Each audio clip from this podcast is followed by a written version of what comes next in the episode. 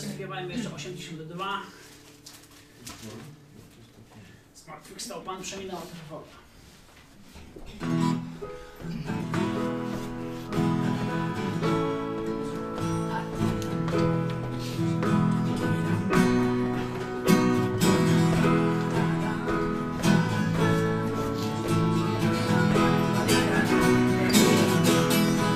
Zmartwychwstał Pan, przeminęła trwoga.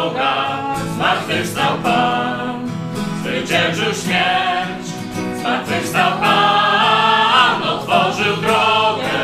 Więc życie me ma teraz sens, bo żyje Pan. Wiem, żyje Pan i mam pewność jutra. Wiem, żyje Pan, z nim wszelki strach. I wiem, że On zna moją przyszłość, więc warto żyć, bo pewność mam, że żyje Pan. Zmartwychwstał Pan, przeminęła trwoga, zwyciężył śmierć. Zmartwychwstał Pan, otworzył drogę, więc życie me ma teraz sens, bo żyje Pan. Wiem, żyje Pan i mam pewność jutra. Wiem, żyje Pan i wszelki strach. I wiem, że On zna moją przyszłość, więc warto żyć, bo pewność mam, że żyje Pan.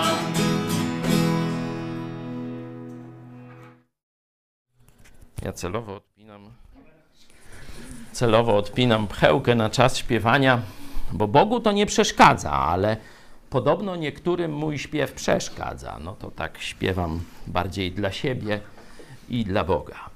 Ale mamy tu grono śpiewaków, którzy, wy, którzy wypełniają te e, braki. Słuchajcie, bardzo Was serdecznie witam e, na całym świecie, bo wiem, że i Polonia gdzieś daleko w Chicago, Calgary, może jeszcze w innych miejscach, nie mówię Europie, nas ogląda, jest z nami dzisiaj rzeczywiście szczególne spotkanie. Szczególne spotkanie, ponieważ no do tej pory mieliśmy przywilej żyć w takich naprawdę bardzo, jakby to powiedzieć, wygodnych, dostatnich, takich bezpiecznych warunkach. Mogliśmy się spotykać, kiedyśmy chcieli. Różnieśmy z tego korzystali. No ale teraz jest jak jest. Jesteśmy w warunkach zarazy. Kościół musi być elastyczny. jeśli byście przeczytali sobie dzieje apostolskie, tym z Was, którzy jeszcze tego nie zrobili, naprawdę to e, zalecam. Zobaczylibyście, jakie wielkie zmiany tam pojawiają się niekiedy z dnia na dzień. Najpierw Kościół spotykał się po domach, czyli w takich grupach jak my teraz jesteśmy, gdzieś zebrani, grupy sąsiedzkie, grupy rodzinne, ale spotykał się też i w świątyni, na dziedzińcu świątyni, kiedy tysio- kilka tysięcy ludzi mogło razem się spotkać, razem słuchać nauczania, czy razem e, pewnie modlić się i śpiewać. Także Kościół spotykał się w tych no, dwóch głównych wymiarach, w takim rodzinnym, domowym i w takim no, mega kościelnym, gdzie tysiące ludzi było razem. Bóg dał nam dzisiaj właśnie doświadczać takiego stylu. Z jednej strony jesteśmy rozrzuceni e, po domach, większość ludzi e, teraz rozumie powagę sytuacji i nie wychodzi z domów, my również. E, Stąd jesteśmy no, skazani na mniejsze grono ludzi, na e, rodzinę i najbliższych znajomych, ale dzięki temu, że Bóg dał nam internet, dał nam też mądrość, by przygotować infrastrukturę, przygotować każdego z Was do łączności przez internet, to działalność kościelną prowadzimy od kilku lat równolegle, zarówno w rzeczywistości, na spotkaniach, na zjazdach, kiedy przyjeżdżacie do nas do Lublina, czy gdzieś na obozy, jak jeździmy, i praktycznie na co dzień przez internet. Dlatego cieszę się bardzo, że możemy tak szybko dostosować się do nowych warunków. Apostołowie, pierwsi chrześcijanie żyli przez jakiś czas, właśnie mając swobodę spotykania się po domach i w świątyni, ale w pewnym momencie nadeszły prześladowania. Możecie sobie zobaczyć ósmy rozdział dziejów apostolskich. Od tego się zaczyna. Krwawe prześladowania, morderstwa chrześcijan.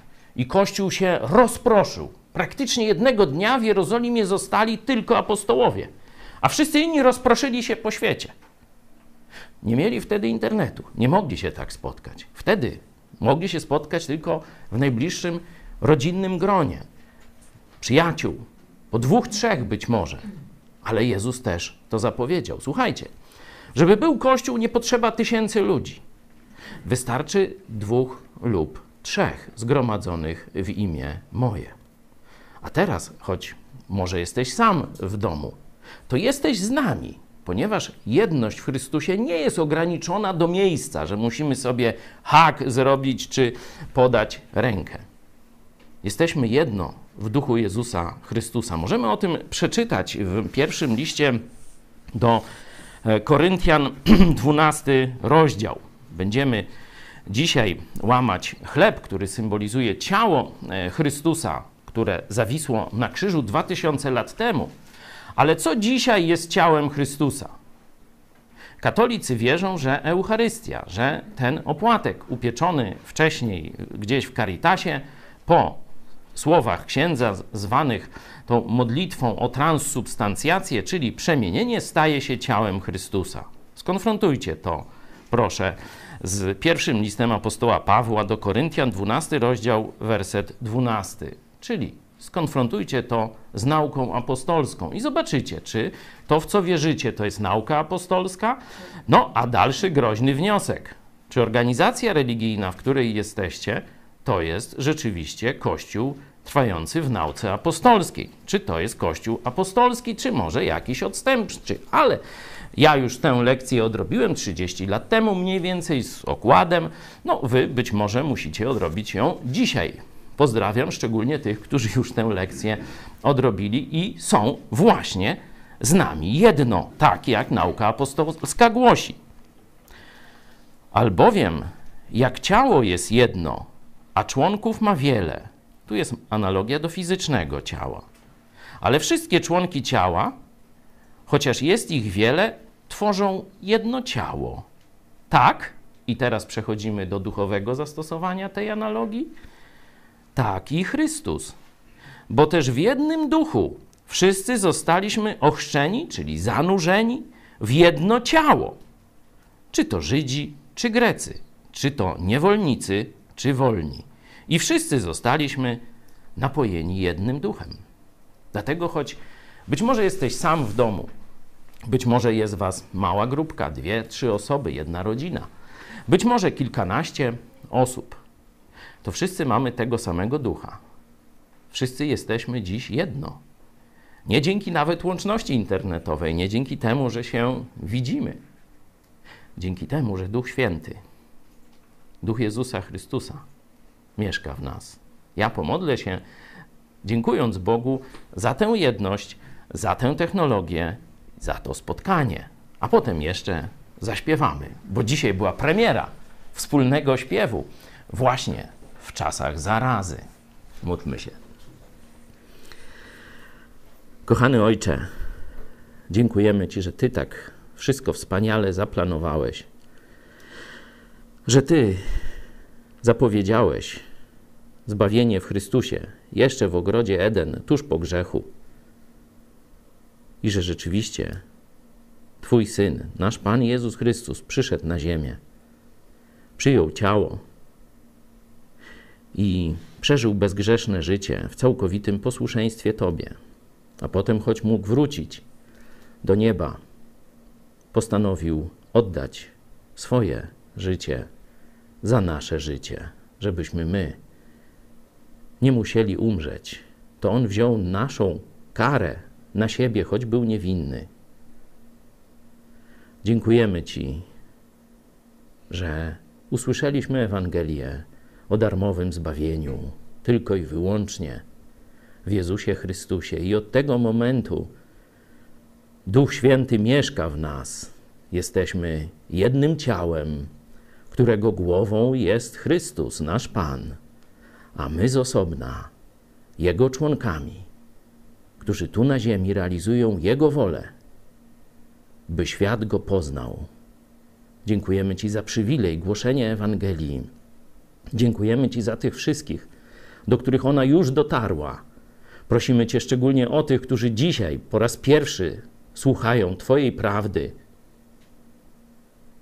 Prosimy Cię też, abyś pomógł nam wyrwać nasz kraj z ciemności, by rzeczywiście Twoja chwała z wielu polskich serc i ust, na każdym kroku, z każdego stanu, z każdego miejsca wołała do Ciebie: Abba, Ojcze, kochany tatusiu, dziękujemy.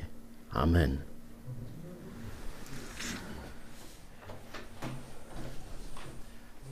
Hugo.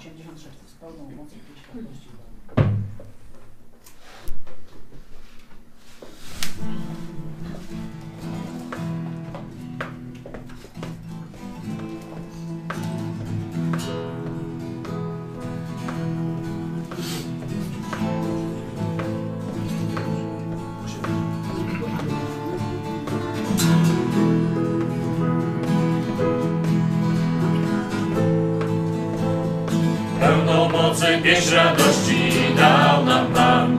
Pełną mocy pieśń radości dał nam Pan. Nikt już nigdy jej nie zdoła zabrać nam. Serca nasze włożył pieśń.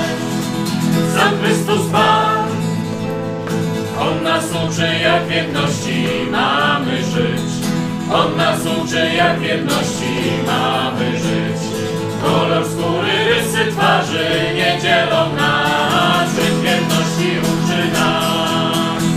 Sam Chrystus Pan, Jezus swą rodzinę stworzył wszystkich nas.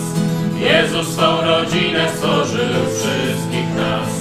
Jak miłować się na co dzień uczy nas, swą rodzinę stworzył nas. Sam Chrystus Pan, Pan zamienia w taniec wszelki smutek płacz.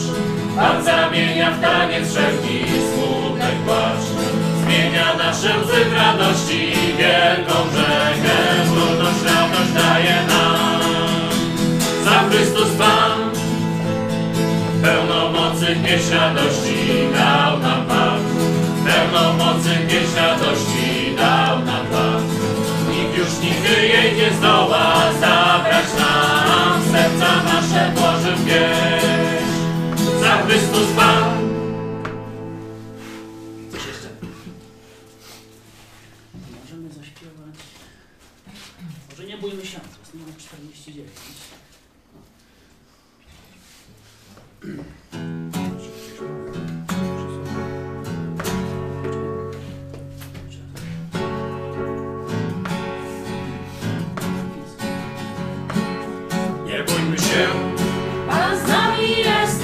Się, wykupił nas, nie bójmy się, powiedział moim jesteś już. nie bójmy się, Pan z nami jest, nie bójmy się, wykupił nas, nie bójmy się, powiedział moim jesteś już. gdy będziesz przez głębokie wody szedł, nie zaleją cię, pójdziesz w ogień, płomień nie spali cię, nie spłoniesz, nie lękaj się, Nie lękaj się, nie lękaj się, nie lękaj się. Od święty Bóg wybawiciel z nami jest, nie bójmy się, Pan z nami jest, nie bójmy się, wykupił nas, nie bójmy się, powiedział moim jesteś już. Nie bójmy się, Pan z nami jest, nie bójmy się, wykupił nas, nie bójmy się, powiedział moim jesteś już. gdy będziesz przez głębokie wody szedł, nie zaleją cię, gdy pójdziesz w ogień, płomień nie spali cię, nie spłoniesz, nie lękaj się, Nie lękaj się, nie lękaj się, nie lękaj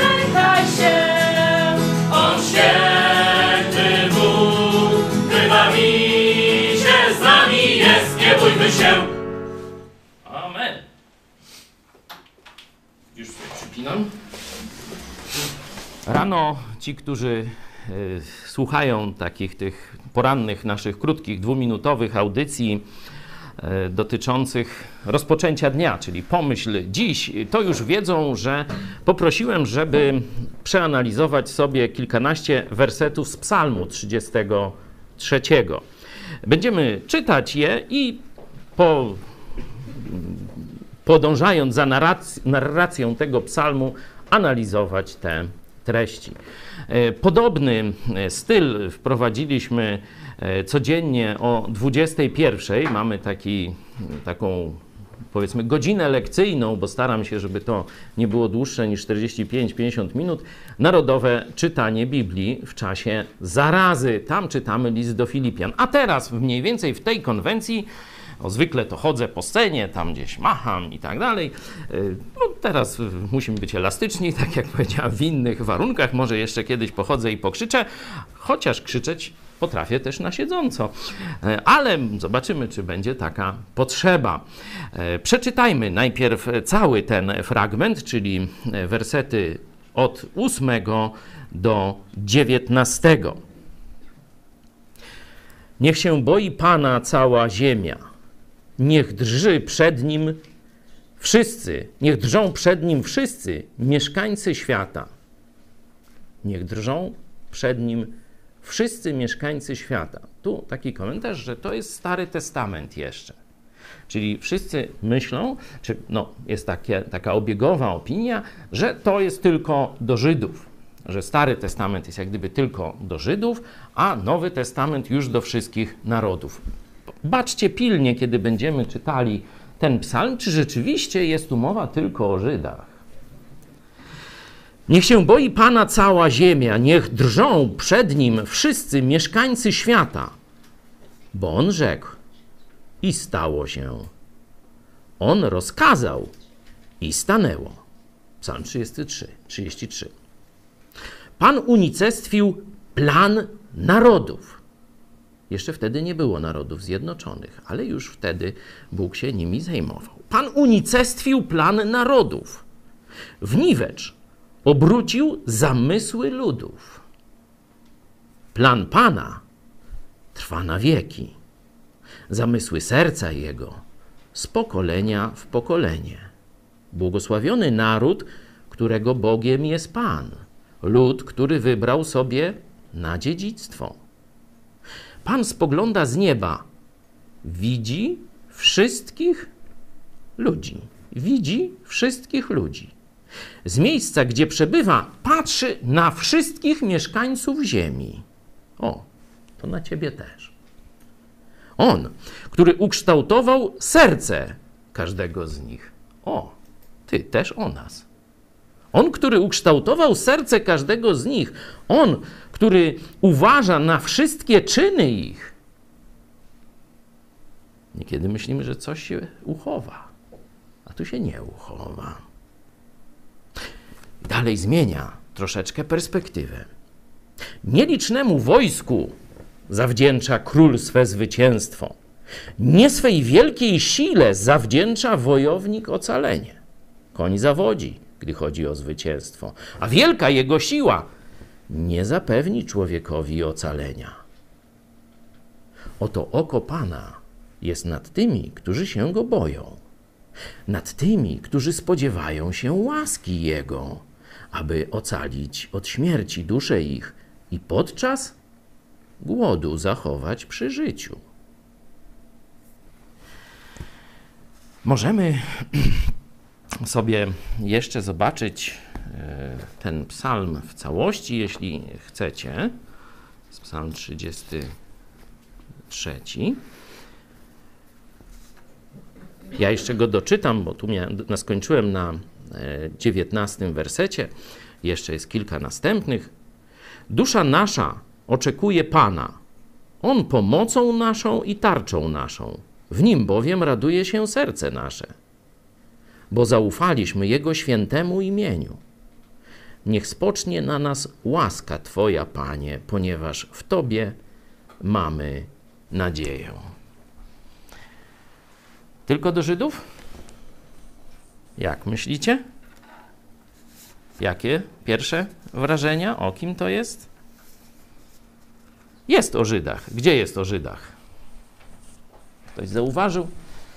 Bo rzeczywiście jest bezpośrednio o e, Żydach wspomniane, ale tylko raz. Tylko w jednym wersecie. Zobaczcie. Dwunasty werset. Błogosławiony naród, którego Bogiem jest Pan.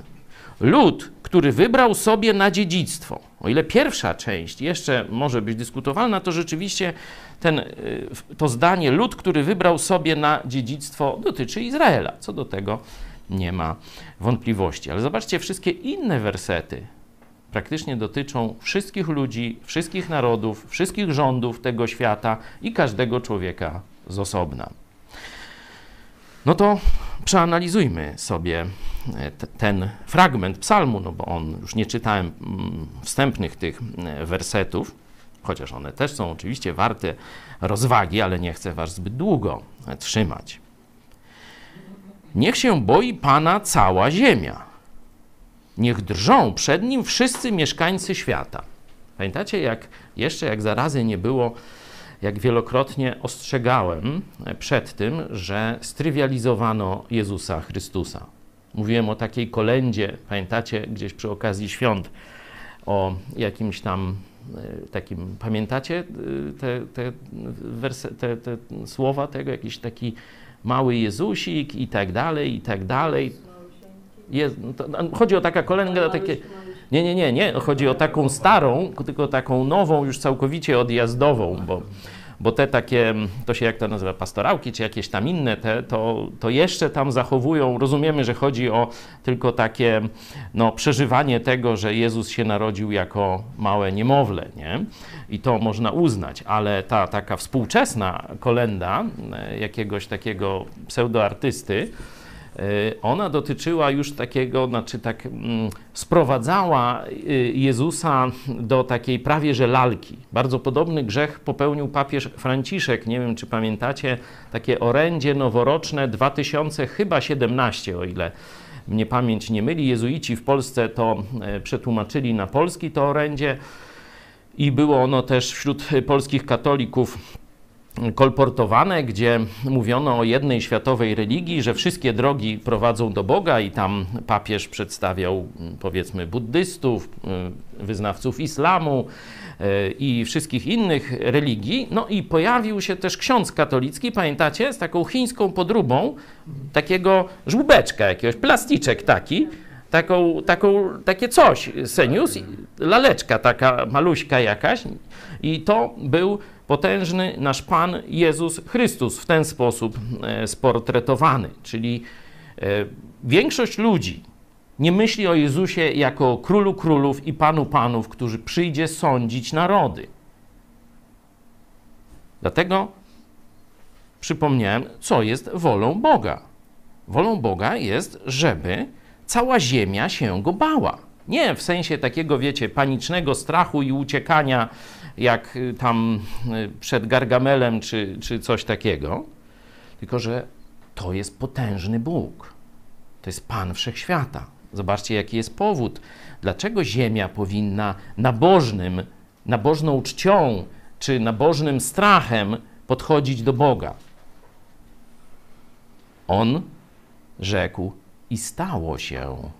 Wszystko się stało.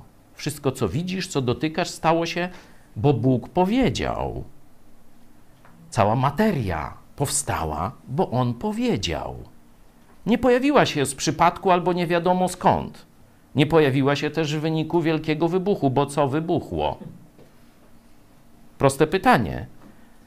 Skąd pochodzi świat? No to taki typowy student komuszego uniwersytetu dowolnego w Polsce powie z wielkiego wybuchu.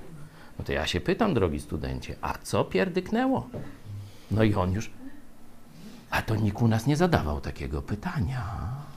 Nie, to nie można takich pytań zadawać. Z wielkiego wybuchu i kropka. Nie. On powiedział i stało się. On powiedział i stało się. I dalej podkreśla. On rozkazał i stanęło. On powiedział, uczynił człowie uczyńmy człowieka i powstaliśmy my, ludzie. Nie w wyniku ewolucji, nie od małpy, jak twierdzi towarzysz Ziemkiewicz, towarzysz Janecki i inni pseudo e, katolicko-konserwatywni, a w, rze w rzeczywistości popularyzujący komuszą materialistyczną narrację, nocnikarze, bo nie nazywamy ich dziennikarzami, to są propagandyści. Zresztą zobaczcie, jak się teraz pochowali. Bóg chce, żeby uznać Jego wielkość. Niektórzy z Was mieli zapewne takie przeżycia, jak byli w jakichś wysokich górach, na przykład w Tatrach. Baliście się? Ktoś się bał, będąc w Tatrach? Niech podniesie rękę, ja mogę obie podnieść. Tu też, nie, nogi też podnoszą niektórzy. A czegoście się bali? Tylko stworzenia. To jak baliśmy się stworzenia, to jaki jest Stwórca? Warto sobie o tym pomyśleć. To właśnie w liście do Rzymian na samym początku apostoł Paweł, rozpoczynając swój najbardziej taki bogaty w myśli teologiczne list, czyli list do Rzymian, mówi: To właśnie przez stworzenie Bóg nam objawił swój majestat, żebyśmy wiedzieli, z kim mamy do czynienia. Jeszcześmy go nie znali, przez stworzenie nie poznamy Boga, ale poznamy Jego cechy, że jest wielki, wspaniały, cudowny, nieogarniony umysłem, bo do tej pory nie potrafimy zbadać wszelkich tajników przyrody i materii, którą On stworzył. Nie? Bóg chce, żeby wszyscy ludzie na ziemi mieli do Niego właściwą postawę, a początkiem jest bojaźń Boża. Początkiem przyjścia do Boga jest uznanie Jego istnienia i uznanie Jego wielkości i potęgi, Jego wszechmocy. Dzisiaj cały świat był szkolony od przedszkola do Opola. Pozdrawiamy widzów z Opola, to tylko idiom że Boga nie ma, że świat powstał przy, z przypadku, że jest tylko to życie. Żyj, jak to tam, hulaj dusza, piekła nie ma. A owsiak puszczał gwiazdki, nie, te, jak to tam, błyski do nieba. Nie? I to jest całe nasze życie. Tego was uczono. Rzeczywiście okoliczności były bardzo korzystne. Wszystkiego było mniej więcej pod dostatkiem. Ludzie mieli bardzo dużo czasu. Kiedyś przychodzili do, pracy, do domu po zmroku. Wychodzili przed świtem, a wracali po zmroku. To co im się chciało? Niekiedy to nawet jeść już się nie chciało, tylko zasypiali nad talerzem. Taniec z gwiazdami to nie był ich codzienny pokarm duchowy. Ale od XIX wieku rozpoczyna się rewolucja e, techniczna, rozpoczyna się e, nadprodukcja, wszystkiego jest skolka ugodno i tak dalej, i tak dalej. No to dzisiaj rzeczywiście ostatnie lata, oczywiście jednym lepiej, drugim gorzej, jednym tam bardziej starczało, drudzy nie, ale nawet na najbardziej walącej się chałupie, co było? Przynajmniej w latach 90. Antena satelitarna must be. Nie? No to już wiemy, że mieli czas. Mieli czas na głupoty, nie? Także później już to się zmieniło na końcówki internetu, na światłowody, tego, tego typu sprawy. To już talerze troszeczkę zeszły, ale przypominam, właśnie niekiedy patrzymy, tak pokazywałem dzieciom, zobacz.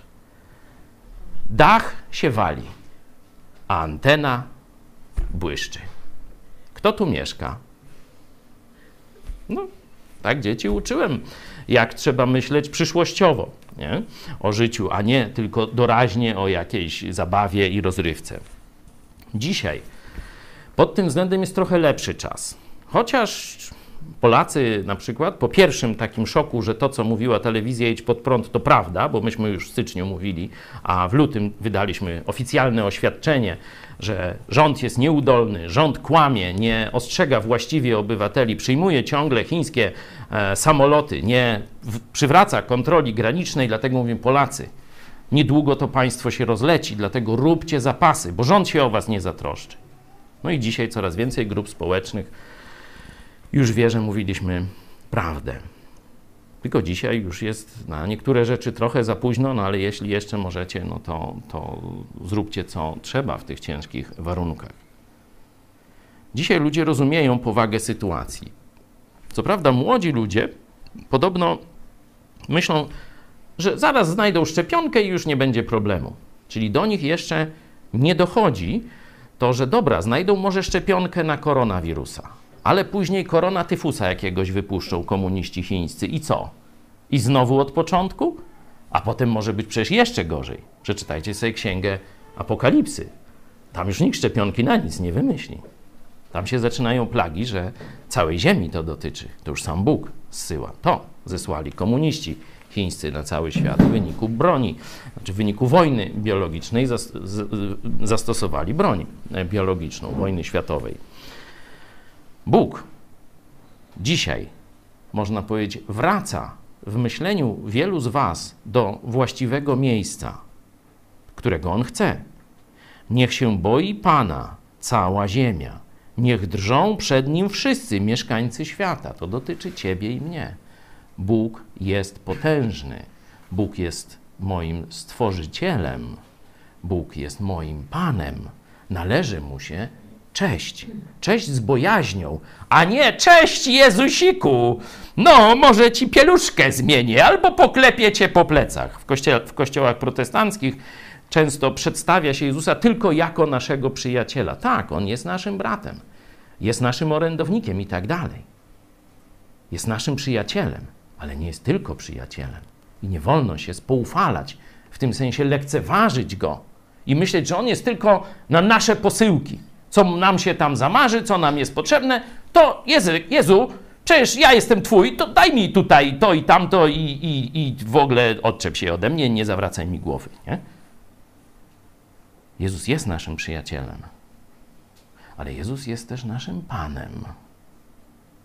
Warto o tym pamiętać. No ale za długo nad tym jednym wersetem się zatrzymałem. Jedźmy dalej.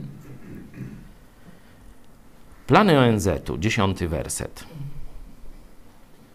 Naprawdę ludzie od początku świata kombinują, jak tu się, że tak powiem, pozbyć Boga. Niektórzy nawet ogłosili w XIX wieku, był taki pseudofilozof, dlatego mówię pseudofilozof, bo filozof powinien być mądry, a ten był głupi do imentu, bo ogłosił, że Bóg umarł. Okazało się, że to Nietzsche umarł, a Bóg nadal żyje. Także na różne sposoby narody wymyślały od początku jakiś rodzaj buntu przeciwko Bogu. Ludzie, można powiedzieć, od początku wymyślali. Gromadzili się, knuli i tak dalej. Ostatnio byłem w Izraelu w takiej, nad taką doliną, na skalę, nad doliną Armagedon. Według Biblii tam właśnie spotkają się wojska ONZ-u, wojska Zjednoczonych Narodów, żeby pokonać Jezusa. Zryte berety będą. Nie? Do tej pory były czerwone berety, tam zielone berety, niebieskie berety, tam się zbiorą same zryte berety, no i los ich będzie tak, jak to Biblia e, opisuje. Nie? Tam będzie kulminacja, ale zobaczcie, że ten proces tego buntowania się narodów, buntowania się królów przeciwko Jezusowi, przeciwko Bogu potężnemu, cały czas jest realizowany jakiś kolejny spisek. Co z nimi, z tymi spiskami robi Bóg? Pan unicestwił plan, czyli spisek narodów. W niwecz obrócił zamysły ludów. Czyli co wymyśli ONZ? Co wymyśli papież, jeśli chodzi o religię światową? To wszystko o kant stołu, teraz tak ładniej powiem, obić. Wiecie o co tam można to obić. I w kontrze, zobaczcie, przedstawiony jest w 11 wersecie inny plan. Jest plan narodów, plan ONZ-ów przeróżnych, ale jest też plan Boga. No i ten trwa na wieki. Plan Boga trwa na wieki. Zamysły Jego serca, czyli pragnienia Jego serca, są podawane z pokolenia w pokolenie. I teraz pojawia się właśnie Izrael, którego, który Bóg sobie wybrał, błogosławiony naród, którego Bogiem jest Pan. Lud, który wybrał sobie na dziedzictwo. I teraz pytanie: po co Bóg wybrał naród żydowski? Można powiedzieć dwa cele. No, ktoś pomyśli, no jak to po co? Żeby panowali nad światem. Żydzi mają rządzić światem. I tu jedni powiedzą z radością, inni powiedzą z wielką zawiścią. Nie, nie o to chodziło. Akurat poganie wespół Żydami będą światem rządzić. Możecie to sobie zobaczyć w księdze Apokalipsy, czyli inne narody. Tak, będzie przedstawicielstwo narodu żydowskiego, ale będzie też przedstawicielstwo wszystkich narodów świata przed Jezusem. Także już wiemy, że nie o to chodzi, żeby Żydzi rządzili światem. O co więc chodzi? Oni mieli świecić jako właśnie naród Boga. Bóg dawał im rzeczywiście błogosławieństwo, dawał im swoją cudowną ochronę, żeby narody okoliczne mówiły: Wow, my się do naszego Baala modliliśmy, a wiecie, co się wczoraj stało? Pierdyknęła figura na łeb i łeb odpadł. A zobacz tych Żydów. Jakim Bóg cudowny ratunek dał. Jeszcze kasiorę mają. Który Bóg prawdziwy? No tak se ludzie wtedy kombinowali. No i długo to trwało. Tam Bóg na różne sposoby dawał takie lekcje, jak dzieciom trochę. No, dlatego w przeróżnych szkółkach niedzielnych się uczy właśnie tych historii. My zachęcamy, żeby to rodzice dzieciom o tym opowiadali.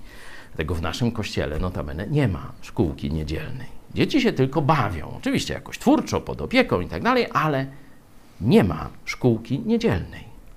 Bo uważamy, że to Bóg rodzicom, wam dał odpowiedzialność uczyć o sobie, o Bogu, wasze dzieci. Jak dorosną, wtedy, jeśli będą chciały być w kościele, proszę bardzo, zajmiemy się ich nauczaniem. Ale póki co to wasza odpowiedzialność. Dzisiaj będzie więcej o tym o 17. Jak nie zwariować ze swoimi dziećmi w domu w czasie kwarantanny. No to tam zapraszam rodziców. A my wracamy do Żydów. Po co Bóg wybrał sobie ten naród? Po pierwsze, żeby pokazać, że z nimi jest prawdziwy Bóg. Że ci wszyscy ich bożkowie, te bodzy, nie ubodzy, tylko bogowie egipscy i boginie, nie? że tam asyryjskie boginie i tak dalej, to wszystko kant stołu obić. Bo jest tylko ten Bóg, który się objawił Izraelowi, który Izraelowi dał swoje słowo. Ale był drugi cel. I oni ten cel po części zrealizowali, bo rzeczywiście wielu nieżydów przychodziło do Żydów poznać prawdziwego Boga. Przykład taki Nam, Syryjczyk, Ale też widzimy w przededniu głoszenia Ewangelii narodom pogańskim, widzimy Korneliusza, setnika kohorty rzymskiej w jednym z miast Izraela. On jeszcze Jezusa nie zna, ale już poznał część prawdy o Bogu przez naród żydowski i wspierał tam synagogę i tak dalej, i tak dalej. To możecie sobie przeczytać w dziejach apostolskich. Do czego jeszcze? Bo wiemy, że oni się sprzeniewierzyli, że Bóg zabrał im nawet państwo, zabrał im błogosławieństwo, zabrał państwo, bo zaczęli na różnych wzgórkach, pod każdym drzewem stawiać figury, stawiać różne miejsca i tam składać ofiary i bezcześcić tym bałwochwalstwem Boga. Odeszli też od jego prawa moralnego. Początek księgi Izajasza. Jeśli kogoś to interesuje, to zobaczycie, jak Bóg do nich woła. Gdzie jeszcze mam wam przywalić? Same siniaki na i rany, dupa skopana! A wy ciągle głupcy jesteście. No, to przeczytajcie sobie wstęp do księgi proroka Izajasza, to tam znajdziecie taki jeszcze gorszy opis. Rozproszył ich na praktycznie całą ziemię, ale mieli zrealizować jeszcze drugi cel.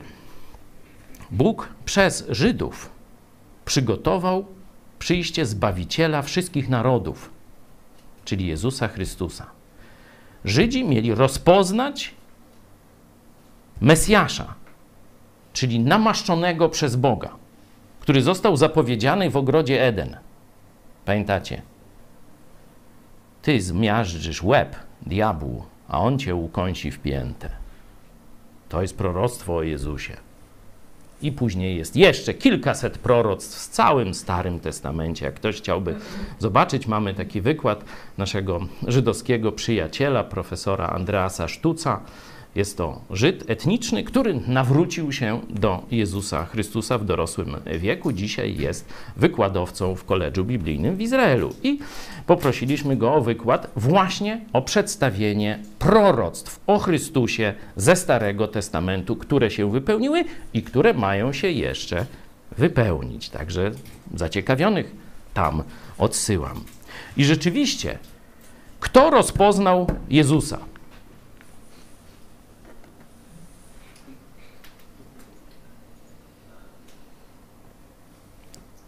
Śmiało. Żydzi, panie, Żydzi, Żydzi, tak. Pierwsi apostołowie i Matka Boska to wszystko Żydzi, panie. No co, no ktoś zaprzeczy, no niech spróbuje. Tak.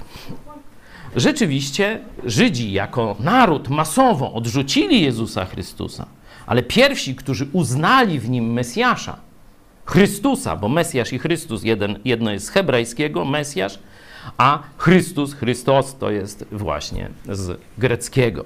Nie? Pierwszymi, którzy to rozpoznali, byli Żydzi, czyli cel został zrealizowany. Apostołami byli Żydzi. To Jezus tłumaczył Samarytance, mówiąc, że zbawienie pochodzi od Żydów. No ciekawe, jak tam polscy narodnicy to przełkną, że zbawienie pochodzi od Żydów. Nie mój problem, to wasz problem. Ja z tym nie mam żadnego problemu. No tak, taki był wybór Boga. No mógł wybrać sobie jakichś innych Etiopczyków, jakichś Asyryjczyków, mógł może jakichś Scytów, nie? Wybrać, no wybrał sobie Żydów. No to jego wybór, co ja będę, właśnie ostatnio będąc w Izraelu, tak się zastanawiałem. Boże, dlaczego wybrałeś akurat tę ziemię? No, ale to przy innej okazji, bo ja jak zacznę gadać, to wiecie, mogę gadać i gadać. Także e, to kiedyś się tym zajmiemy. Mamy tam też trochę zdjęć i różnych e, przemyśleń z tamtego bardzo no, ciekawego czasu. Jak przejdzie epidemia i świat się nie skończy, to polecam wszystkim odwiedzenie tych miejsc, gdzie rozgrywały się te rzeczy, o których czytamy w Biblii. Jedźmy dalej. Zaraz po tym narodzie wybranym, zobaczcie, Pan spogląda z nieba i kogo widzi? Anastazję P. Też. Nikt nie wie, kto to jest Anastazja P. Ktoś jeszcze pamięta? kochanka posłów tam w Sejmie, nie? Tam wszystkich zaliczała po kolei. No. On też to widział, nie? Altruistka taka sejmowa. Pan spogląda z nieba, widzi wszystkich ludzi. Z miejsca, gdzie przebywa, patrzy na wszystkich mieszkańców ziemi. I teraz pomyśl, że jesteś nieważny, że nikt się o ciebie nie troszczy. No to jeszcze raz. Z miejsca, gdzie przebywa, patrzy na wszystkich, czyli patrzy na mnie. Nie jesteś w kosmosie, nie jesteś na Marcie, jesteś na Ziemi. To taka dygresja, czy są te inne cywilizacje. No, tu jest pewien ślad, ale to też zostawiamy. Jesteś ważny. Sam Bóg cię obserwuje. Cały czas na ciebie patrzy. Wiedz o tym. Przyjmij to wreszcie do swojego umysłu. On, który ukształtował serce każdego z nich. Serce to jest, mm, nie chodzi o mięsień, chodzi o wnętrze człowieka. Bardziej w tym aspekcie rozumowym, nie? bo kiedy e, mówili wnętrzności, to bardziej mówili o, o tym aspekcie emocjonalnym, a tu to jest taka świadomość i rozum. Nie? Wielu ludzi myśli nad swoim ciałem. Jeden za gruby, drugi za chudy, jeden za wysoki, drugi za mały. A jeden nawet jak wszystko ma, taki jest atleta, jak wiecie z rysunków tych, no to na przykład wątroba goszczyka. No i też ma problem, nie? Albo se sam zniszczył, albo mu taką dali, nie wiemy, nie? Każdy ma jakiś problem. Także nie myśl o sobie jako o ciele, nie? Ciało niszczeje, to taka zła wiadomość dla niektórych pięknisiów. Teraz więcej jest pięknisiów mm, e, w spodniach, to znaczy tych rodzaju e, ta płeć 168 mm, mężczyzna, nie, e, niż wśród kobiet. No, nastąpiło takie zniewieścienie rodzaju męskiego, ale to też inny temat. Nie patrz na ciało, patrz na swoje wnętrze. Kiedy przedstawiony jest wzór dla kobiet w liście Piotra, pokazana jest Sara. Zapewne była ona piękną kobietą. Abraham ją sobie wybrał. Ale kiedy stała się matką, była bardzo stara. Pod setkę gdzieś już, nie? 90 tam parę lat miała. To już pewnie jakaś tam wielce piękna nie była, nie? A jednak przedstawiona jest kobietą jako wzór piękna. Właśnie jej wnętrze było piękne. Tak piękne, że podobało się Bogu. Bóg stworzył Twoje wnętrze, jesteś Jego dziełem. Patrzy na Ciebie i stworzył Ciebie. No to już możesz poczuć się ważny. Nie wypadłaś sroce spod ogona. Nie mieszkasz w zoo ze swoją ciocią, jakby chciał cię przekonać towarzysz Ziemkiewicz i Janecki. Zostałaś, zostałeś cudownie stworzony przez Boga, który patrzy na ciebie cały czas. A jeszcze zobacz, co widzi. On, który uważa, werset 15, on, który uważa na wszystkie czyny ich. Każda Twoja myśl, która poprzedza czyn, jest też znana Bogu. Każdą Twoją myśl, każdą twój, każdy Twój czyn Bóg widzi, zna.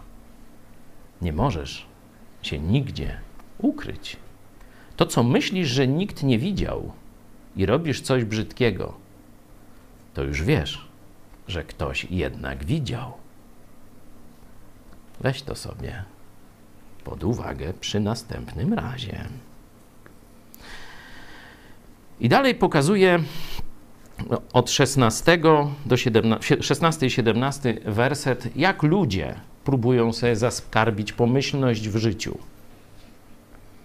I tu jest no, jedno z najbardziej popularnych zwierząt bojowych, czyli koń. Rydwan to był e, tak jak dzisiaj no nie wiem, jakiś Leopard 5G, czy nie wiadomo co, albo jakiś Abrams najnowszej generacji. Rydwany to była właśnie e, taka pancerna jazda, można powiedzieć, właśnie zaprzęgnięta w konie. Nie? Później następny etap to nasza husaria. No a teraz właśnie te różne wynalazki. I ludzie myślą, zawsze król chciał mieć jak najwięcej rydwanów. Jak potęgę na przykład Salomona opisywano, to ile miał rydwanów, nie? Bo to była siła jego armii. Ktokolwiek by chciał mu zagrozić, odebrać mu coś albo nie dać mu tego, co on chciał, no to on wysyłał swoje rydwany. Nie? Dlatego to jest symbol największej ówczesnej potęgi. Ale co Bóg mówi? To nie wystarczy. Owszem, do każdej bitwy trzeba się przygotowywać i o tym Biblia mówi wielokrotnie. Ale to dopiero Boże błogosławieństwo daje zwycięstwo. Werset 18. Oto oko Pana jest nad tymi, i teraz porównajcie werset 8. Przeczytajcie sobie werset 8. Niech się boi Pana cała ziemia. To jest wola Boża. I teraz oto oko Pana jest nad tymi, którzy to zastosowali. Oto oko Pana nad tymi, którzy się go boją. Nad tymi, którzy spodziewają się łaski Jego, którzy wiedzą, że są niewystarczalni. Zarówno w swoim doczesnym funkcjonowaniu nie umiemy się przed głupią epidemią sami obronić. Zobaczcie, ilu już wielkich tego świata, piłkarzy, trenerów, najbogatszych, gdzie milionami szastają. Lewandowski melona dał na walkę z koronawirusem. Co? Pali się koło dupy? Wcześniej brał miliony. Od kogo? Od tych, co rozesłali wirusa na cały, cały świat. Reklamował tą wojskową firmę komunistyczną Huawei. Na każdym rogu, na każdej latarni to wisiało, badziewie, z jego paszczą.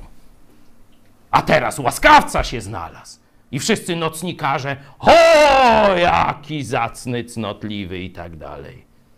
A wcześniej to nawet towarzysz Borek, to jest taki komentator, jak powiedziałem, że to wstyd i hańba dla Polaka i sportowca wysługiwać się przez reklamę chińskim komuchom. No to jak pastor może tak mówić o legendzie? No to teraz widzicie, kto miał rację i gdzie legenda prowadziła, a gdzie jakiś tam pastor. Kto miał rację? Proste jak dwa razy dwa. Jesteśmy ograniczeni, jesteśmy bezradni, choć wydawało nam się, że wszystko możemy. Skąd jest mleko? Jak myślał współczesny wykształciuch? Skąd bierze się mleko? Ze sklepu. Odpowiedź prawidłowa. A teraz, jak sklepy będą zamknięte albo puste, skąd bierze się mleko? I on będzie mu normalnie chyba czacha wyparuje. Czacha wyparuje, bo on nie wie. On nie wie. Zobaczcie, a to jest tylko, to jest mały wycinek naszej ograniczoności. Bo najważniejszy problem to jest jak wrócić do Boga. Jak pokonać przepaść między nami a Bogiem, którą wykopał, jak mówi Pismo Święte, nasz grzech. Jak przeskoczyć z powrotem na drugą stronę. Który mądry, który wie jak? Ile razy trzeba obejść dookoła Częstochowę, żeby wejść do nieba? Katolicy. Quiz. Nagrodą niebo. Ile piątków trzeba zaliczyć, żeby wejść do nieba? Kłamią was. Bo nawet jak ktoś zaliczy te wszystkie piątki, świątki, obejdzie 150 razy Częstochowę na kolanach, a nawet poliże drogę z Warszawy do Rzymu, to i tak jak umrze, to będą kazać wam płacić, mszę zamawiać. Już na pogrzebie jest pierwsza msza za duszę zmarłego, żeby wszedł do nieba. No to znaczy, że wylizanie drogi Warsza Warszawa-Rzym nic nie pomogło, jak msze zamawiają na pogrzebie już. A potem jeszcze ileś. A potem proces kanoniczny będzie albo i nie będzie. Czyli te wszystkie ich wymysły o dupę obić. Tak, to jest gorzej niż powiedziałem. To jest ogromne bluźnierstwo.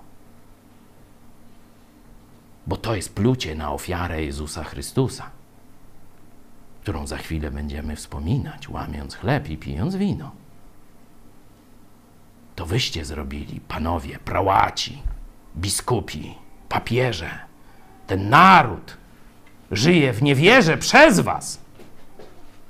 Zamknęliście przed nimi Słowo Boże, a otworzyliście skarbiec zasług świętych, czyli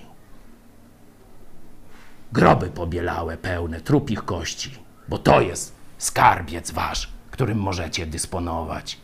To Jezus to samo o was powiedział. Na drugą stronę do Boga przejdą tylko ci, którzy uznają, Boże, sam nie dam rady. Żaden człowiek mi nie pomoże, żadna organizacja, żaden mój dobry uczynek, sakrament i co tam jeszcze sobie wymyślisz. Na drugą stronę przejdą tylko ci, a dokładnie nie przejdą, tylko zaraz powiem, co się stanie. Ale tylko ci znajdą się na drugiej stronie, którzy uznają, Boże, nie dam rady, poddaję się. Liczę tylko na Twoje zmiłowanie, czyli na Twoją łaskę. Jeśli, mając tę świadomość, że jesteś kompletnie niewystarczalny, bezsilny, jeśli chodzi o swoje zbawienie, i usłyszysz dobrą nowinę o tym, co Jezus zrobił na krzyżu, zawołasz jak ten łotr, który już nic nie mógł zrobić, ręce przybite, nogi przybite, ledwo dyszał. I zawołał: Jezu, wspomnij na mnie, gdy będziesz u Ojca. Jak tak zawołasz do Jezusa, wtedy dzieje się to, co opisuje apostoł Paweł w liście do Kolosan. Pisze tu już do chrześcijan, dziękując za to, co Jezus dla nich zrobił, za to, co Bóg Ojciec z nimi zrobił. Otwórzcie sobie pierwszy rozdział listu do Kolosan i tam mamy. Dziękując Ojcu, czytam od wersetu 12, który was zdolnymi uczynił do uczestniczenia w dziedzictwie świętych w światłości. Kto nas uzdolnił do bycia ze świętymi w niebie? Papież? Sąd kanoniczny? Ksiądz biskup? Ksiądz proboszcz? Czy ksiądz wikary? Nikt z tych oszustów. Nikt z tych oszustów. Bóg Ojciec nas zdolnymi uczynił. I trzynasty werset jest jednym z moich naprawdę ulubionych. Bóg Ojciec, który nas wyrwał z mocy ciemności i przeniósł do królestwa Syna swego umiłowanego, w którym mamy odkupienie, odpuszczenie grzechów. To zrobił Bóg Ojciec. Kiedy ty, zdruzgotany świadomością swojego grzechu i tego, na co zasługujesz, czyli na wieczne potępienie, zawołałeś tak jak ten łotr na krzyżu: Jezu, ratuj! W tym momencie Bóg Ojciec wyrywa cię z ciemności i on sam przenosi cię do królestwa Jezusa. Nie ty przechodzisz, nie ty przepływasz na drugą stronę. On swą ręką cię przenosi raz na zawsze. Oto oko Pana jest nad tymi, którzy się go boją, nad tymi, którzy spodziewają się łaski Jego. Dalej, już zmierzam do końca. To chyba pociecha dla wielu. Jest mowa o ratunku przed ziemskimi różnymi niebezpieczeństwami, jak głód, on pomocą i tarczą naszą. Ale chciałem zakończyć tym, co i psalmista kończy. Bo zaufaliśmy Jego świętemu imieniu. Apostołowie powtarzali: Nie ma innego imienia, w którym moglibyśmy być zbawieni. Nie dano pod niebem żadnego innego imienia. Zobaczcie, jak papież Franciszek kłamie, mówiąc, że wszystkie drogi prowadzą do Boga, że islam prowadzi do tego samego Boga, w, który, w którego wierzą katolicy. To może być prawdą tylko pod jednym warunkiem, że katolicy wierzą w fałszywego Boga. Wtedy papież powiedział prawdę. Objawienie mówi jasno: tylko w imieniu Jezus jest zbawienie. Nie możesz wezwać Marii, nie możesz wezwać Józefa na osiołku czy bez osiołka. Musisz osobiście zawołać: Jezu, ratuj mnie. Tylko w tym imieniu jest zbawienie. Niech spocznie na nas łaska Twoja, Panie, ponieważ w Tobie mamy nadzieję. Ci, którzy zaufali Jezusowi, mogą wiedzieć, że teraz są pod ochroną wszechmocnego Boga. To On nas strzeże, to On nas umacnia, to On nas prowadzi i to On nas doprowadzi. Jezus jest nazwany sprawcą i dokończycielem naszej wiary. Jemu niech będzie chwała. A teraz przejdziemy do wieczerzy pańskiej. Mówiłem o jednym chlebie. Będziemy jeść z różnych chlebów. Nie ma takiej opcji, żeby udało się upiec e, taki chleb, żeby nawet jakby fizycznie wszystkich chrześcijan e, zebrać razem i tak dalej. Czyli oczywiste jest, że będziemy łamać różne chleby, ale nie w chlebie jest moc. W kim jest moc? Oczywiście w religiach pogańskich to się wierzy, że w przedmiotach, w amuletach, w transubstancjacjach jest moc. Nie w chlebie jest moc. Nie w chlebie jest wspólnota. To jest tylko symbol. Tak samo, choć wino dobre, to nie w winie jest moc. Tylko w krwi Jezusa Chrystusa. To w krwi Jezusa Chrystusa, którą wino tylko i wyłącznie symbol, symbolizuje.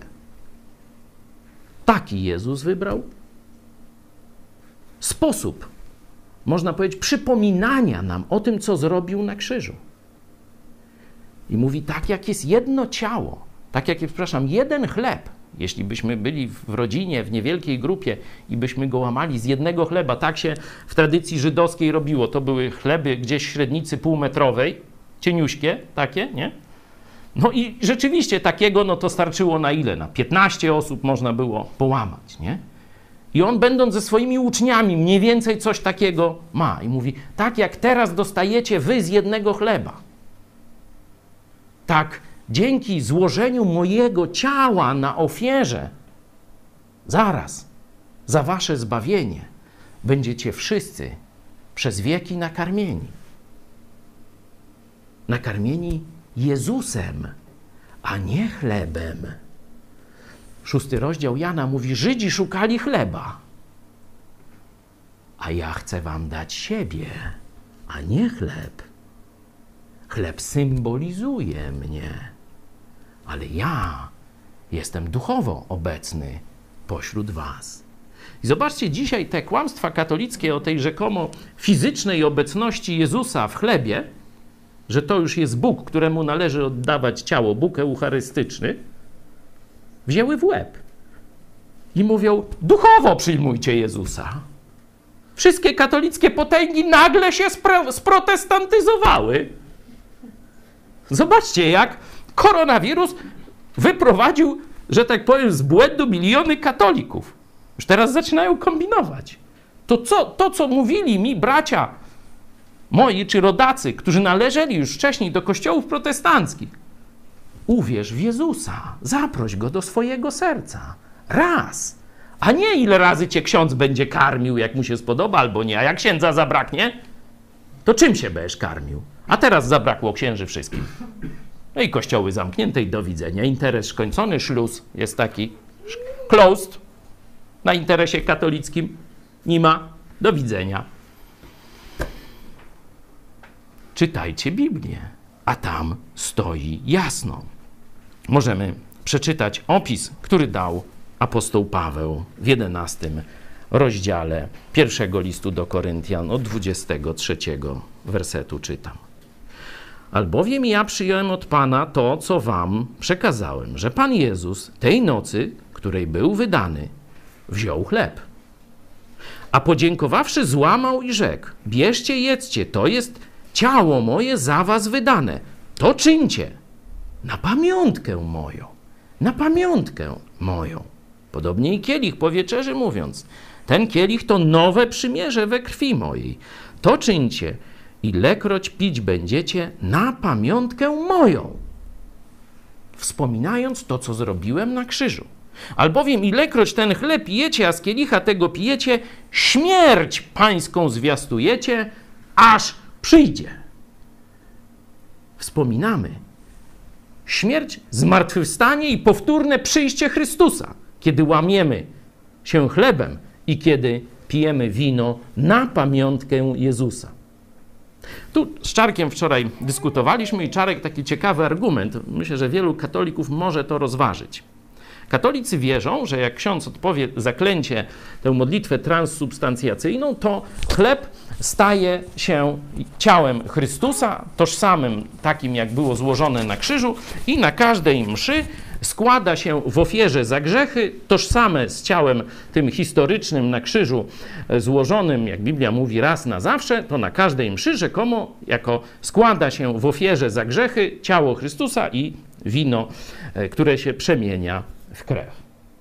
No i teraz pytanie, czy w tej pierwszej wieczerzy, ona jest, zobaczcie, przed ukrzyżowaniem, czy nastąpiła transsubstancjacja, czyli kiedy Jezus rozdaje uczniom ten chleb, to co im rozdaje?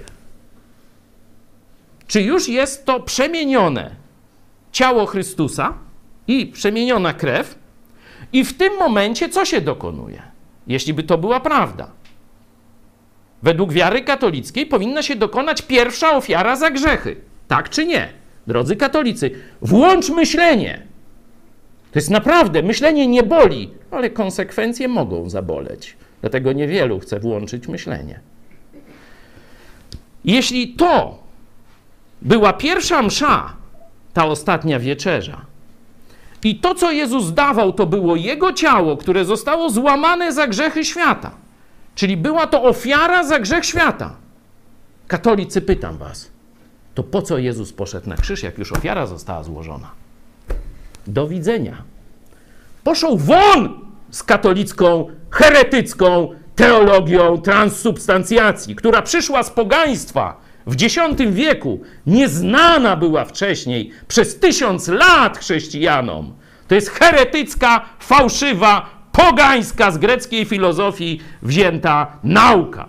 I teraz ona została obnażona praktycznie. Warto, żebyście o tym wiedzieli i o tym pamiętali. Także każdy, kto wierzy w te zabobony katolickie, niech z nami teraz nie spożywa chleba i nie pije wina. To mogą robić tylko ci, którzy zawołali do Jezusa: Jezu, tylko i wyłącznie w Tobie jest moja nadzieja. Tylko i wyłącznie w Tobie jest moje zbawienie. Chcę, wejdź do mojego życia, daj mi Twoje zbawienie i bądź moim Panem, a ja chcę być Twoim niewolnikiem. Twoją własnością, chcę na wieki do Ciebie należeć.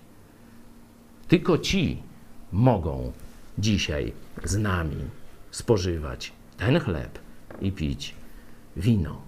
Oczywiście jesteście po domach, macie swój chleb w rodzinnych czy nieco większych, domowych grupach, macie swoje wino, możecie też nie macie wina, bo nie każdy ma na podorędziu, to weźcie sok jakiś gronowy najlepiej, ale może być inny. Jeśli nie macie, weźcie wodę, bo chodzi o symbol. Tu nie chodzi o to, że to się staje czymś. Czy że chleb lub wino, czy woda staje się e, jakąś świętą rzeczą. Bo to jest bałwochwalstwo. A Bóg chce, żebyście mu oddawali w duchu i w prawdzie, a nie w świątyni, a nie w opłatku. Pamiętacie, to jest jasna nauka Jezusa. Jan, czwarty rozdział.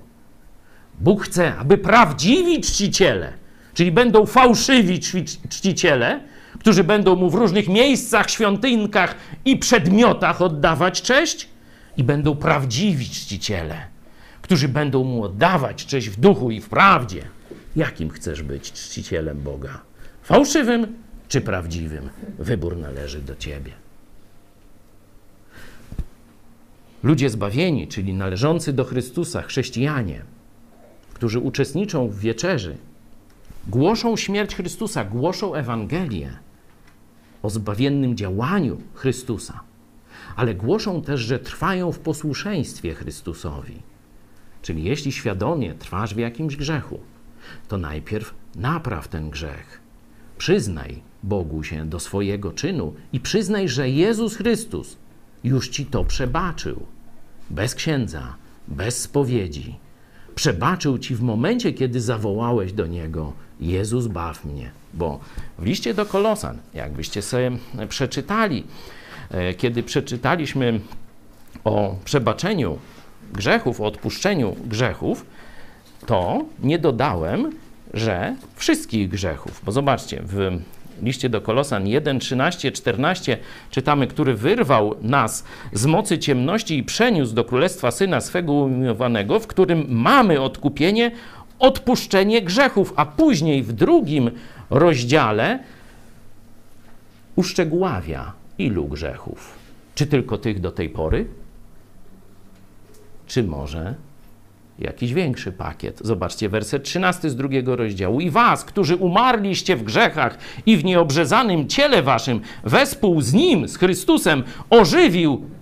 I teraz co? Odpuściwszy nam ile grzechów?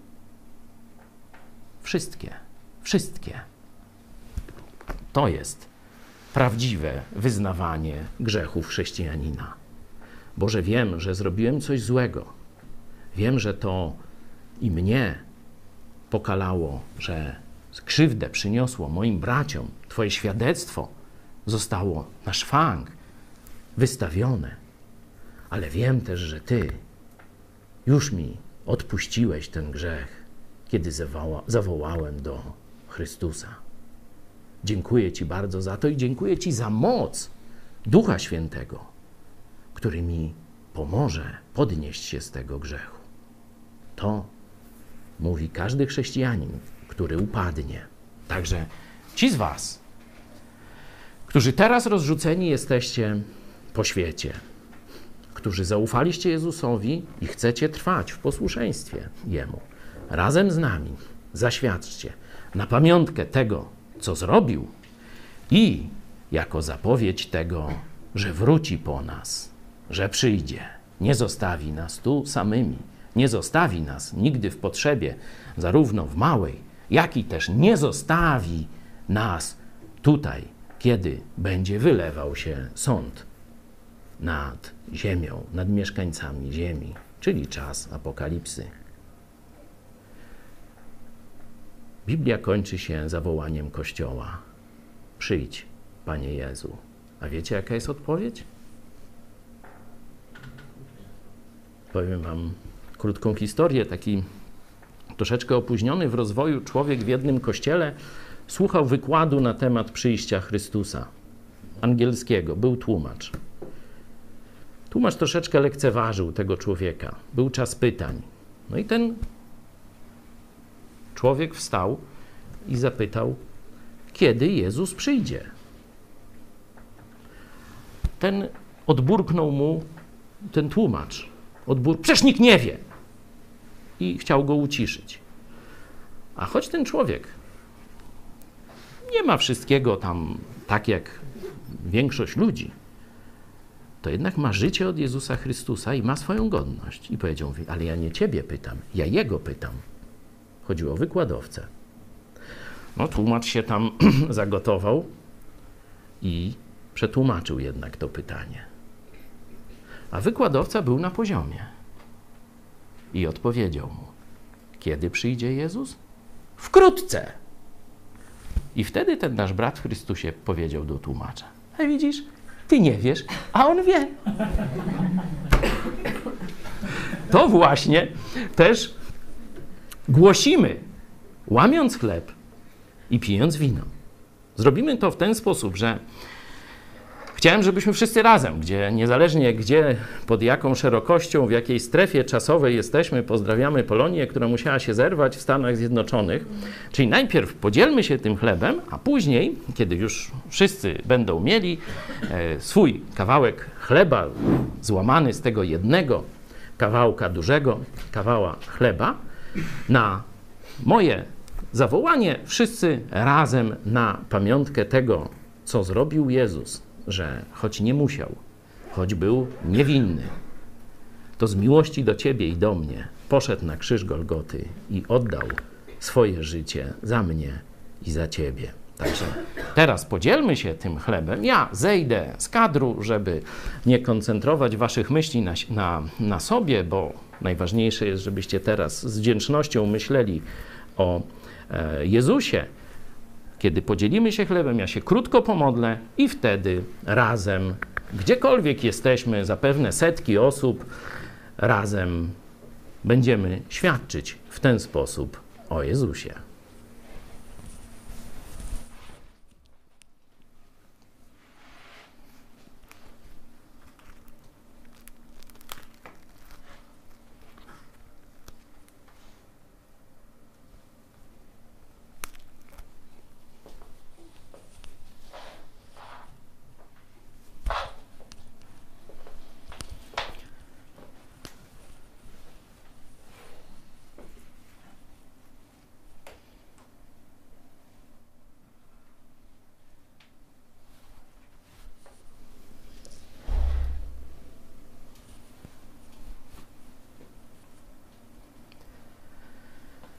Pomódlmy się.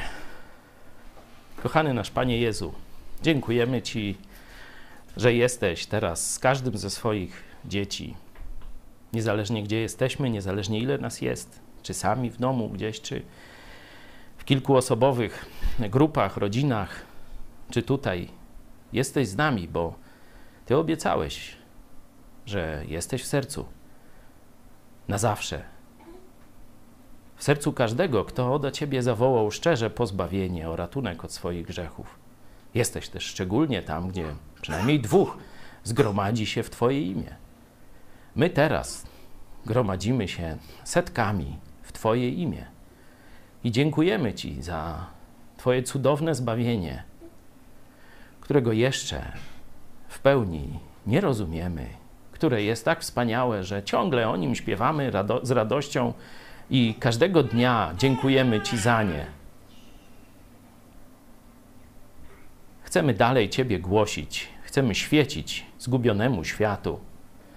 Chcemy głosić zarówno to, co zrobiłeś przy swoim pierwszym przyjściu, jak też i z radością oczekiwać Twego drugiego przyjścia.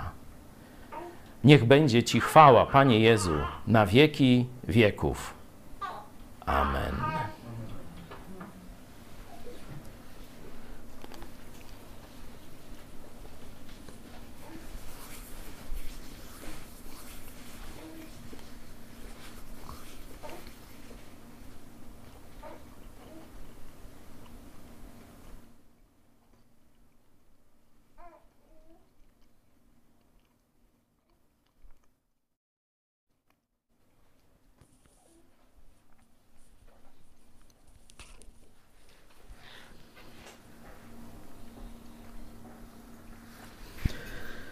Podobnie i kielich po wieczerzy, mówiąc, ten kielich to nowe przymierze we krwi mojej.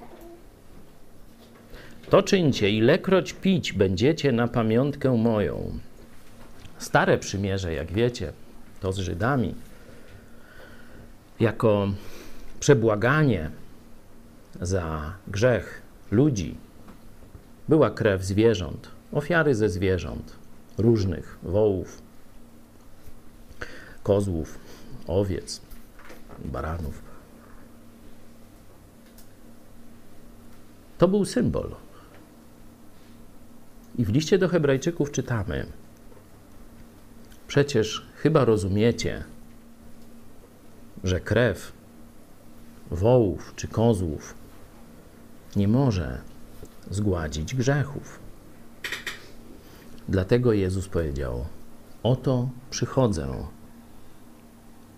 Biorę ciało, któreś Ty dla mnie przysposobił i wypełnię Twoją wolę, czyli jak ma się dokonać zbawienie. I tu wpisz swoje imię. Ja mogę wpisać swoje, bo wiem, że mój Jezus wtedy o mnie też myślał. Wymienił moje imię.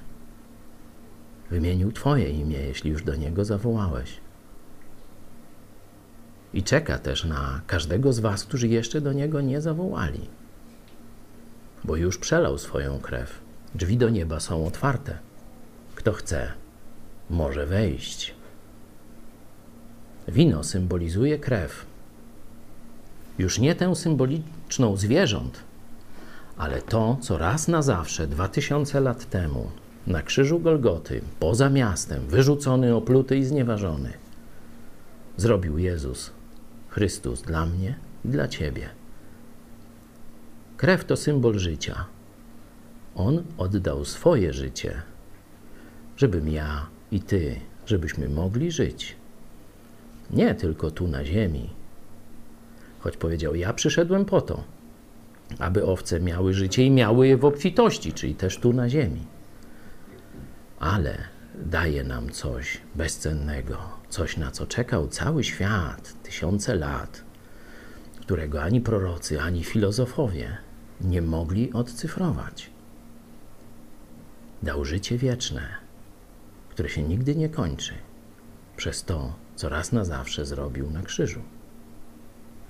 To wino symbolizuje, że jesteś, ja jestem, ty jesteś czysty w oczach Boga, nie swoją świętością, nie swoimi uczynkami, tylko obmyty od stóp do głów krwią Jezusa Chrystusa. I podobnie, za chwilę rozleję to wino, krótko się pomodlę i razem na całym świecie wspomnimy nasze zbawienie, które się dokonało na krzyżu, na pamiątkę Jezusa.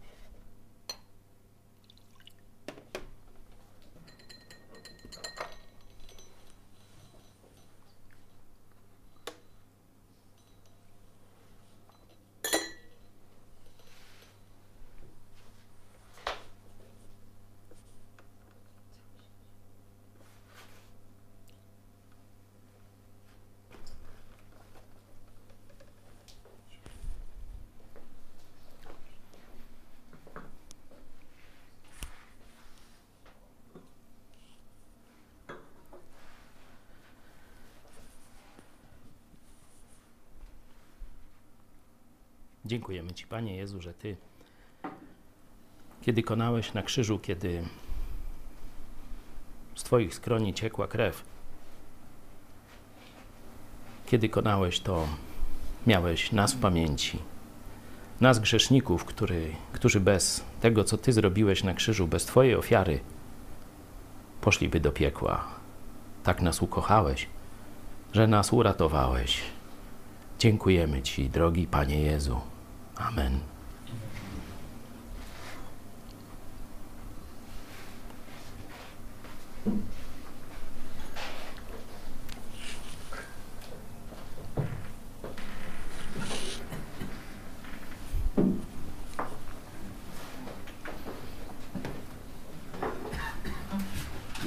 Zaśpiewajmy numer 61. Cicho było na ulicach Białego Miasta,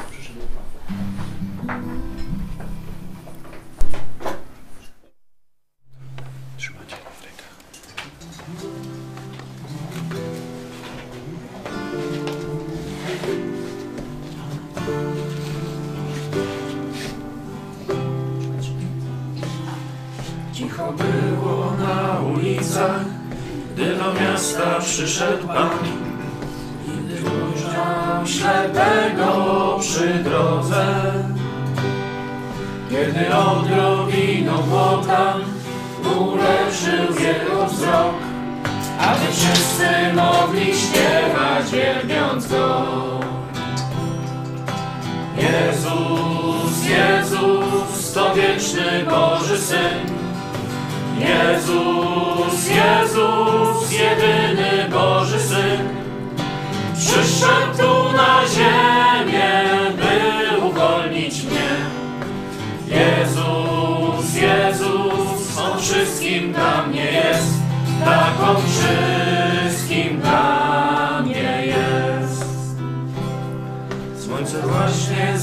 zachodziło nad jeziorem Genezaret, gdy uczniowie w dal płynęli pełni strachu. Wtedy przyszedł wodą Jezus, niosąc spokój w serca ich, aby wszyscy mogli śpiewać wielbiąc Go. Jezus, Jezus, to wieczny Boży Syn, Jezus, jedyny Boży Syn, przyszedł tu na ziemię, by uwolnić mnie. Jezus, Jezus, On wszystkim dla mnie jest, tak wszystkim dla mnie jest. Było już zupełnie ciemno, gdy na krzyżu umarł Pan. Za Twe winy, za Twe grzechy umarł. Ale przez to dał nam życie i pokój serca dał, aby wszyscy mogli śpiewać wielbiąc Go. Jezus, Jezus, to wieczny Boży Syn. Jezus, Jezus, jedyny Boży. Przyszedł tu na ziemię, by uwolnić mnie.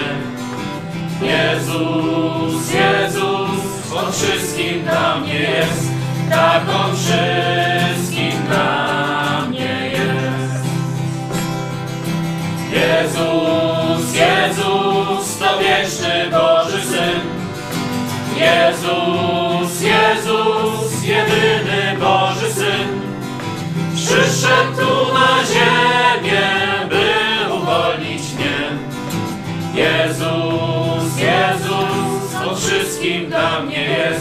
tak On wszystkim dla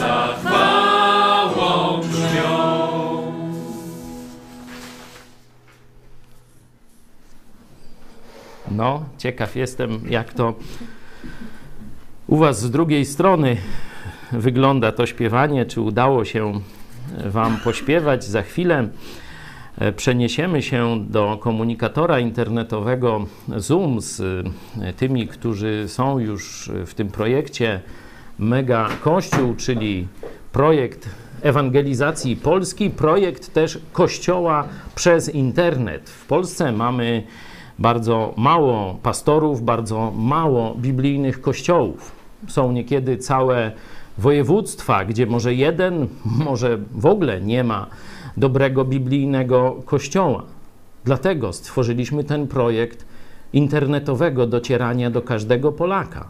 Każdy może przyłączyć się do tego projektu, do każdego on przez internet dociera. Jeśli chciałbyś z nami się skontaktować, jeśli chciałbyś dołączyć do tego projektu Mega Kościół, proszę pisz najlepiej mailowo na adres kontakt małpa megakościół.pl Jeszcze raz kontakt małpa megakościol polskimi znakami megakościół.pl Za chwilę, mówię, będziemy kończyć naszą transmisję ze spotkania e, Kościoła Nowego Przymierza w Lublinie. Wieczerza w czasie zarazy. Nie wiem, jak wasze przekonanie, bo ja tu jestem nie sam, troszkę więcej nas jest. Niektórzy z was byli sami. Ale mam nadzieję, że to, co Bóg zamierzył, czyli przeżycie i świadectwo o Jego śmierci, zmartwychwstaniu i powtórnym przyjściu, dotknęło, poruszyło także Was. Niezależnie, że nie byliśmy tu razem w jakimś wielosetnym, setosobowym czy tysięcznym spotkaniu. Jeśli ktoś z Was chciałby jeszcze dzisiaj z nami się spotkać, to mamy dwie ciekawe propozycje. Najpierw o 17 dla rodziców. Jak wytrzymać, nie zwariować z dziećmi w czasie kwarantanny. E, Doświadczeni rodzice, szczególnie mamy, będą dzielić się swoimi radami, jak zająć dzieci, jak pomóc im, by ten czas owocnie spędzić. A o 21, no to hit, coś, co chcemy dzisiaj e, uruchomić, mianowicie Forum Pastorów. Chciałem, żeby o sprawach ewangelizacji Polski dyskutowali przywódcy różnych kościołów, różnych wspólnot. Dzisiaj usłyszycie trzech, jak Bóg da. No i ja też podzielę się swoim e, komentarzem. Także Forum Pastorów to na razie jest taki zwiastun. Prosimy pastorów o zwracanie się do nas, tych, którzy podzielają naszą wiarę w Jezusa i wieczne zbawienie, które nam dał. Będziemy dyskutować, jak lepiej wypełnić misję ewangelizacji Polski i nasycenia jej biblijnymi kościołami. Bo pamiętajcie, wielki nakaz misyjny to nie jest tylko ogłoszenie Ewangelii, to jest nauczenie żyć wszystkim, co Jezus nakazał. Czyli musimy poprowadzić chrześcijan do pełnego wzrostu w Chrystusie. Dopiero wielki nakaz misyjny zostanie wypełniony. Czyli kiedy Ewangelia dotrze do każdego Polaka, Nie każdy Polak się nawróci, ale ci, którzy się nawrócą, trzeba ich zebrać w kościoły i doprowadzić do pełni w Chrystusie. To jest wielki nakaz misyjny. Możecie sobie o tym przeczytać w ostatnim 28 rozdziale Ewangelii Mateusza, w ostatnich kilku wersetach. Także dzisiaj o 21 y, czytanie Biblii zrobiliśmy w południe o 13, to wieczorem zrobimy sobie forum pastorów, a jutro zaczynając od końca, zapraszam na 21 na wspólne czytanie Biblii. Naprawdę jest to dla nas wielka frajda i takie przeżycie kończące dzień. Zwykle to jakiś film dobry albo jakieś inne rozrywki kończyły dzień, a teraz kończy Słowo Boże. Także jest fajnie, bardzo się wielu z nas to podoba. O 18 jutro tak zwana dogrywka, czyli wiadomości, już poszerzone o to, co się wydarzyło w ciągu dnia, i komentarz y, polityczny y, te, tych nowych wiadomości. A o 13 nasz główny y, program na żywo, najpierw wiadomości, a potem komentarz. Jutro zapowiadam naprawdę wielką bombę ale to zapraszam jutro na 13. O 6 rano już zwykle czeka na Was dwuminutowy program Pomyśl Dziś. Czyli dzisiaj się z Wami żegnamy. Tych z naszych widzów, którzy są w projekcie Mega Kościół, prosimy jeszcze o pozostanie na komunikatorze Zoom. Będziemy się tam w grupach modlić i jeszcze dzielić wrażeniami z, tego spotkania. Pozostałych widzów bardzo serdecznie żegnam. E, no, pozdrawiam, ściskam na odległość i cieszę się, że z nami byliście. Jeśli nie macie dość, zapraszam na 17 i 21.